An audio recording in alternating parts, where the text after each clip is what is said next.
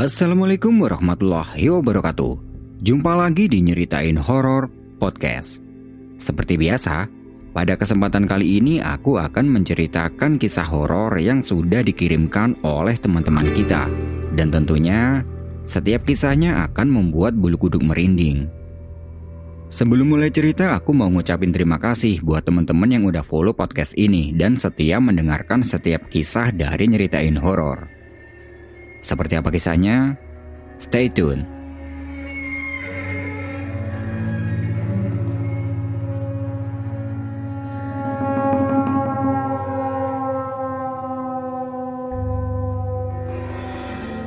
Sudah hampir enam bulan terakhir Bim Bim tidak mendaki gunung karena disibukkan oleh pekerjaan. Jadi setelah menyelesaikan pendidikan, dia diterima kerja di salah satu kantor yang ada di Jawa Timur. Waktu itu adalah bulan Ramadan. Karena Bim Bim tahu setelah hari raya pasti ada libur panjang, dia merencanakan pendakian ke Gunung Arjuno. Jauh hari sebelum hari raya itu dia menghubungi teman-teman mendakinya dulu untuk diajak. Dan mereka mengatakan iya. Jadi ada dua orang yang dihubungi Bim Bim. Sebut saja dia adalah Nurdin dan Saiful. Mendengar mereka mau, Bim Bim merasa tenang dan dia mempersiapkan dirinya jauh hari. Peralatan gunung dia beli dari tas carrier, sepatu, dan tenda dom. Karena setelah enam bulan tidak dipakai, peralatan gunungnya ini udah pada usang. Singkat cerita, menjelang hari raya Idul Fitri, Bim Bim kembali menghubungi Nurdin dan Saiful untuk menanyakan persiapan mereka. Dan ketika dihubungi itu, mereka berdua ini berbelit-belit dan banyak alasan. Hingga akhirnya Nurdin dan Saiful tiba-tiba membatalkan dengan alasan di hari yang sudah ditentukan Bim itu mereka masih ada kegiatan seputar hari raya.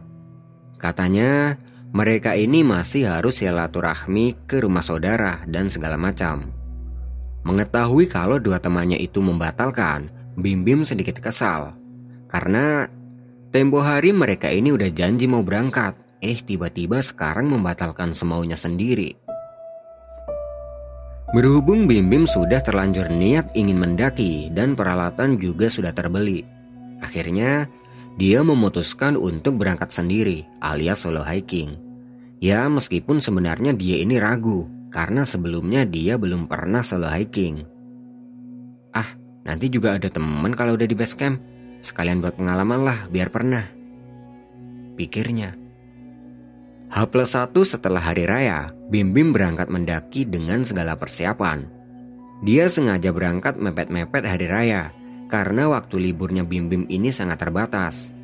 H plus 7 nanti dia udah harus bekerja lagi. Setelah menempuh kurang lebih satu jam perjalanan, sampailah dia di pos pendakian Gunung Arjuno via Lawang sekitar pukul 12 siang. Sampai di situ, dia sedikit kendor karena kondisi basecamp waktu itu sangat sepi. Tapi setelah melihat kondisi parkiran ada beberapa motor, dia sedikit lega. Mungkin itu adalah motor dari pendaki lain. Di situ dia langsung minta izin ke pos pendakian, sekalian bertanya pada petugas, apa ada yang mendaki hari ini? Petugas pos bilang ada banyak, tapi udah nanjak tadi pagi. Ya udahlah, nggak apa-apa. Yang penting di gunung nanti dia tidak sendiri. Setelah mendapat izin dari pihak pos, dia ngopi dulu di warung sebelah pos. Ya kali aja nanti ada pendaki lain yang datang, biar ada temannya. Tapi setelah cukup lama di warung itu, dia tidak juga melihat ada pendaki lain yang datang. Akhirnya ya udahlah, daripada keburu sore, mending nanjak sekarang aja. Dari warung itu dia berjalan menuju ke base camp untuk menata ulang peralatan. Di base camp itu ada dua petugas yang sedang tiduran di lantai. Permisi pak, numpang packing ya? Iya ya mas, silakan. Sendirian aja nih. Iya pak, saya sendirian. Di situ dia menata ulang peralatan. Setelah itu dia bertanya lagi pada petugas. Oh iya pak, aman kan kalau mendaki sendiri? Gak apa-apa mas, santai aja. Emang sebelumnya belum pernah ke sini ya? Udah pak, tapi udah lama banget. Ada kali kalau satu tahun yang lalu. Ini memang bukan pertama kalinya Bim Bim mendaki via Lawang. Sekitar satu tahun yang lalu, dia mendaki via sini sama Nurdi dan Saiful. Setelah peralatan sudah dikemas, dia pamit sama petugas dan perjalanan dimulai sekitar pukul satu siang. Di awal-awal perjalanan terasa sangat sepi. Dia memutar musik box dengan pelan untuk menemani perjalanannya. Singkat cerita, sampailah dia di pos 2 sekitar pukul 3 sore. Dan sampai di sini pun dia masih sendiri, tidak bertemu dengan rombongan yang katanya udah naik tadi pagi. Di situ dia istirahat dulu. Peralatan masak dikeluarkan untuk membuat kopi, sekalian nunggu barangkali ada pendaki lain yang mau naik. Sambil minum kopi di depan bangunan pos, dia menikmati suasana alam yang sangat sejuk. Setelah beberapa bulan yang lalu tidak dia rasakan. Setelah kurang lebih 30 menit di pos 2, Bim Bim tidak juga melihat ada pendaki lain satupun.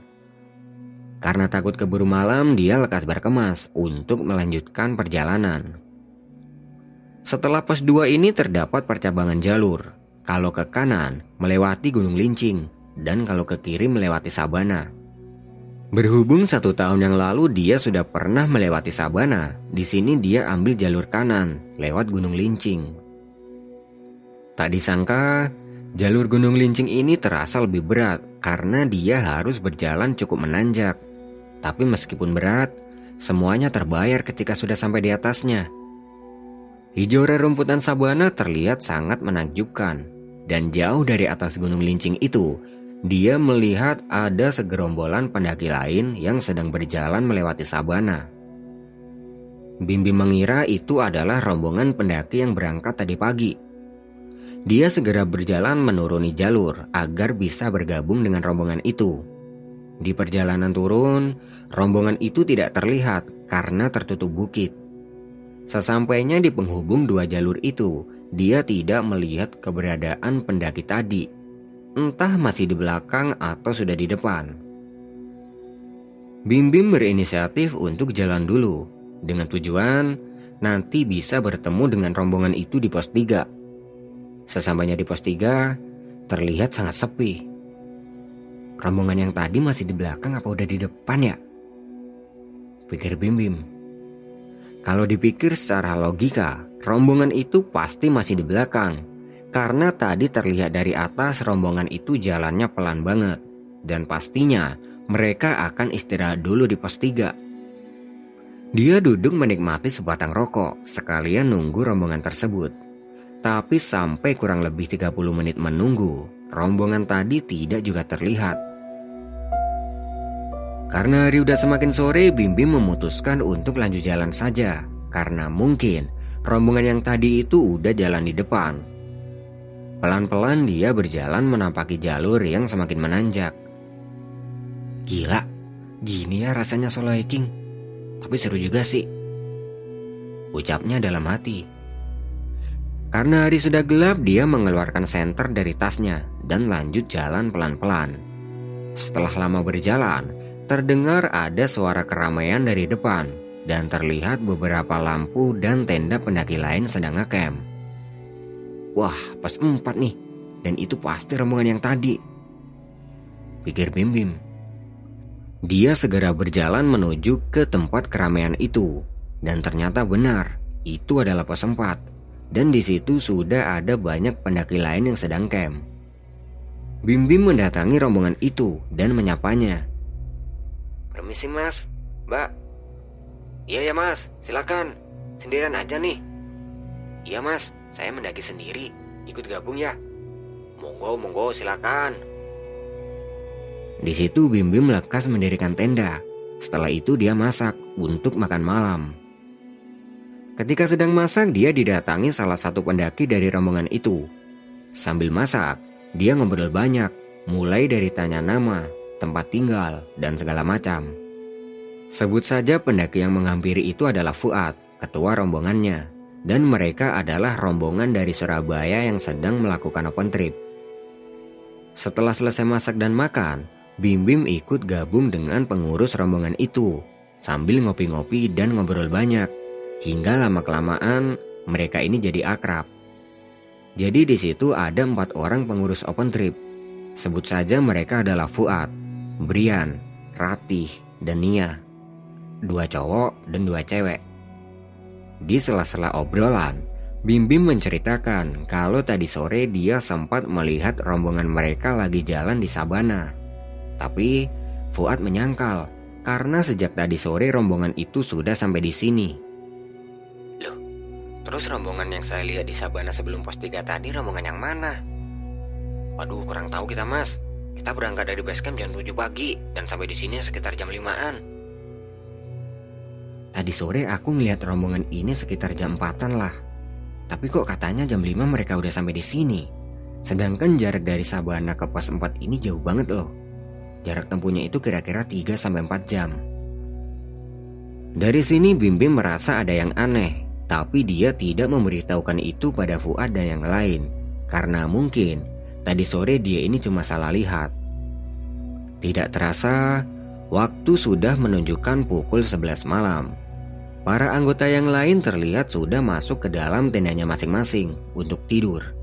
Mengingat besok masih ada perjalanan menuju ke puncak, Fuad dan yang lain pun mengajak mereka untuk tidur. Dan besok, Bim Bim berencana ikut samit bareng dengan rombongan itu. Keesokan harinya sekitar pukul 6, Bim Bim bangun dan terdengar rombongan pendaki lain sudah ramai di luar. Bim Bim lekas keluar tenda untuk membuat sarapan.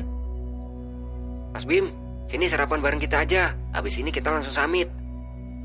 Oh, iya mbak. Makasih. Saya masak sendiri aja. Gak apa-apa mas, ikut sini aja. Ini banyak banget makanannya. Karena sudah membawa makanan sendiri, Bibi menolak. Di sisi lain dia juga sungkan. Ketika sedang sibuk masak, terlihat rombongan itu bersiap-siap akan mulai berjalan samit. Mas Bim, udah selesai belum? Apa mau kita tungguin dulu? Duluan aja deh mas, nanti saya nyusul belakangan. Masakan juga baru matang. Gak apa-apa mas, kalau mau kita tungguin aja biar bisa bareng. Karena sungkan, Bim Bim meminta Fuad dan yang lain ini agar jalan duluan aja. Nanti nunggunya biar sambil jalan. Fuad dan rombongannya bergerak berjalan samit.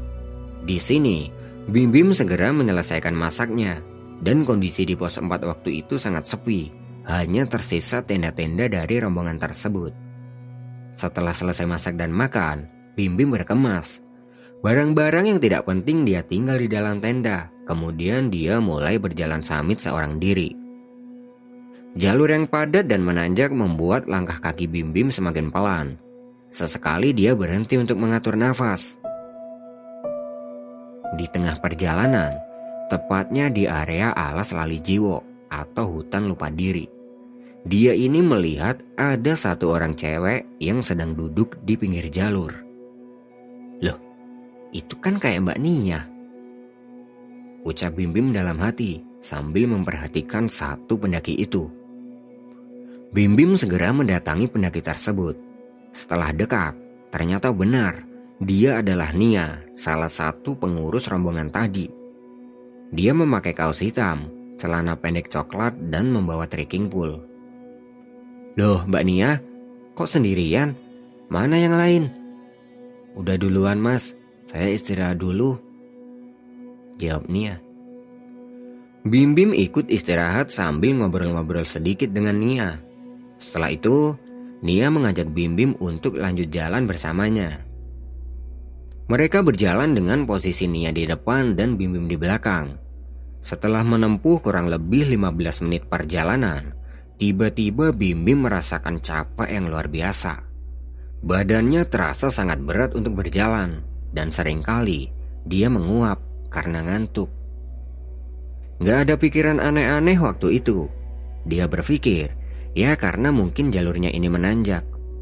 Semakin jalan ke atas, langkah kaki Bim Bim terasa semakin berat dan rasa ngantuk pun tidak tertahankan. Sesekali dia melihat ke arah Nia, dan sepertinya Nia tidak kelelahan sama sekali. Keringatan pun dia tidak. Gila ini Mbak Nia kuat banget loh. Aku udah sempoyongan kayak gini, tapi dia masih fit-fit aja. Ucapnya dalam hati. Karena mungkin menyadari kalau Bim Bim merasa kelelahan, Nia mengajak Bim Bim untuk istirahat dulu di sebelah jalur. Istirahat dulu mas kalau capek. Ucap Nia dengan nada datar. Karena memang sudah sangat payah, Bim Bim langsung duduk di pinggir jalur, bersandar di sebuah pohon.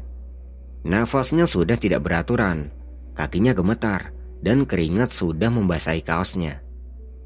Mbak Nia, kalau mau duluan-duluan aja nggak apa-apa daripada nungguin saya. Ucap Bim Bim. Santai aja mas, udah istirahat dulu aja. Jawab Nia. Sambil bersandar pohon, tidak terasa Bim Bim tertidur. Dan ketika sedang tidur itu, dia merasa ada sesuatu yang menghalangi nafasnya. Jadi seakan-akan ada sesuatu yang menutupi kepalanya sampai dia susah buat nafas. Spontan Bim Bim bangun.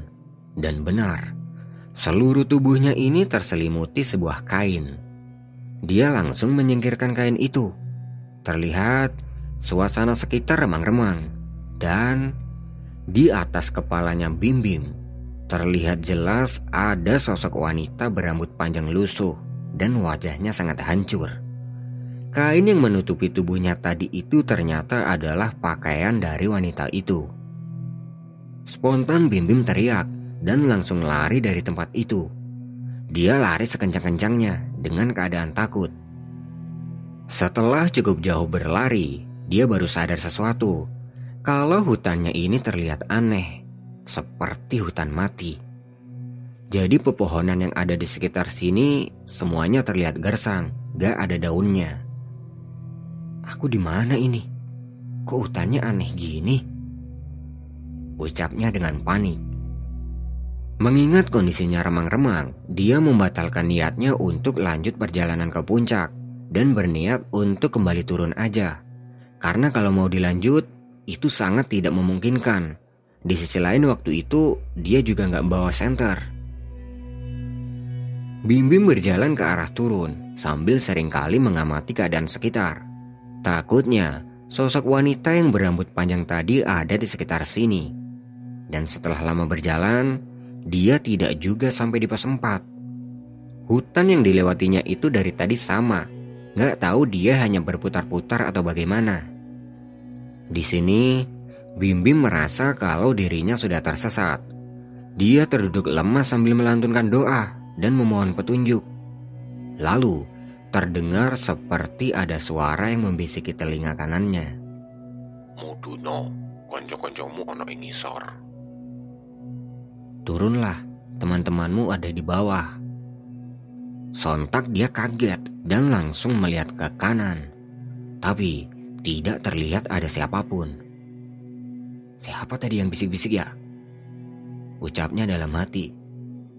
Merasa takut dia lekas berdiri dan meninggalkan tempat itu. Setelah cukup lama berjalan, Bim Bim merasa ada yang aneh. Karena sejak tadi suasananya ini terlihat remang-remang dan seharusnya sekarang ini sudah malam. Sambil berjalan, mulutnya tidak berhenti mengucap tasbih. Dan tidak lama kemudian, terlihat di depan ada seorang petani yang sedang berjalan memikul keranjang. Melihat itu Bim Bim merasa lega. Dia mendatangi orang itu. Pak, maaf, saya mau tanya. Jalan turun ke pos 4 benar lewat sini ya? Benar. Jalan lurus saja. Nanti ketemu. Baik pak, makasih ya. Saya jalan dulu. Beberapa langkah meninggalkan petani tadi, Bim Bim ingat sesuatu. Suara orang itu kok persis banget ya kayak suara bisikan tadi. Bim Bim tidak memperdulikan itu dulu. Yang ada dalam pikirannya hanyalah segera sampai di pos 4 sebelum malam. Semakin berjalan turun, kondisi hutannya terlihat semakin hidup tidak seperti tadi. Jadi semakin turun itu dia baru menjumpai hijau dedaunan. Tidak berselang lama, di depan terlihat ada banyak orang dan tenda. Bim Bim segera berjalan menuju ke tempat itu dan ternyata benar, itu adalah pesempat. Sesampai di sana Fuad menyambutnya dengan tanya. Loh, Mas Bim Bim, tadi ke mana aja mas? Kita tunggu di puncak kok nggak kelihatan? Eh, iya mas, Tadi ketiduran aku di jalur. Ketiduran? Ketiduran di mana? Kok nggak papasan sama kita? Bim Bim yang otaknya udah blank tidak menceritakan kejadian yang sebenarnya. Dia beralasan kalau tadi dia sudah sempat ke puncak, terus di sana dia gabung sama pendaki lain yang naiknya beda jalur. Dia langsung menuju ke tendanya dan merebahkan badannya di dalam sambil memikirkan kejadian barusan. Aku tadi nyasar ke tempat apa ya? Kalau diingat-ingat, hutannya itu serem banget loh. Dia berusaha melupakan itu semua dan keluar dari tenda untuk berkumpul dengan yang lain. Di luar tenda itu, dia duduk bareng sama Fuad dan Nia. Kemudian, Bim Bim tanya ke Nia. Mbak Nia, tadi pas naik sempat ketinggalan di belakang nggak? Enggak, pas naik tadi saya jalannya paling depan mimpin anak-anak. Yang belakang Mas Fuad tuh sebagai sweeper. Emangnya kenapa? Di sini Bim Bim berpikir, kalau tadi bukan Nia, terus siapa? Di sini Bim Bim menceritakan semua tentang yang dia alami, mulai dari dia ketemu sama Nia di jalur, ketemu sosok wanita yang menyeramkan, hingga bertemu dengan petani. Menurut Fuad, memang tadi itu bukan Nia. Bisa jadi itu adalah jin yang sengaja menyerupai Nia untuk membawa Bim Bim masuk ke alamnya. Dan bisa jadi juga petani yang ditemui Bim Bim itu bukan petani beneran, tapi juga jin. Karena nggak mungkin ada petani yang bercocok tanam sampai ke sini. Makanya itu mas, aku tadi sempat panik. Pas aku bangun suasananya ini kayak menjelang maghrib. Tapi aku udah ngerasa jalan lama, langit masih aja remang-remang. Fuad memegang pundaknya Bim Bim sambil bilang, Ya udahlah mas, yang penting sekarang kamu selamat sampai di sini. Jadikan kejadian tadi sebagai renungan. Oh iya, besok turun bareng kita aja.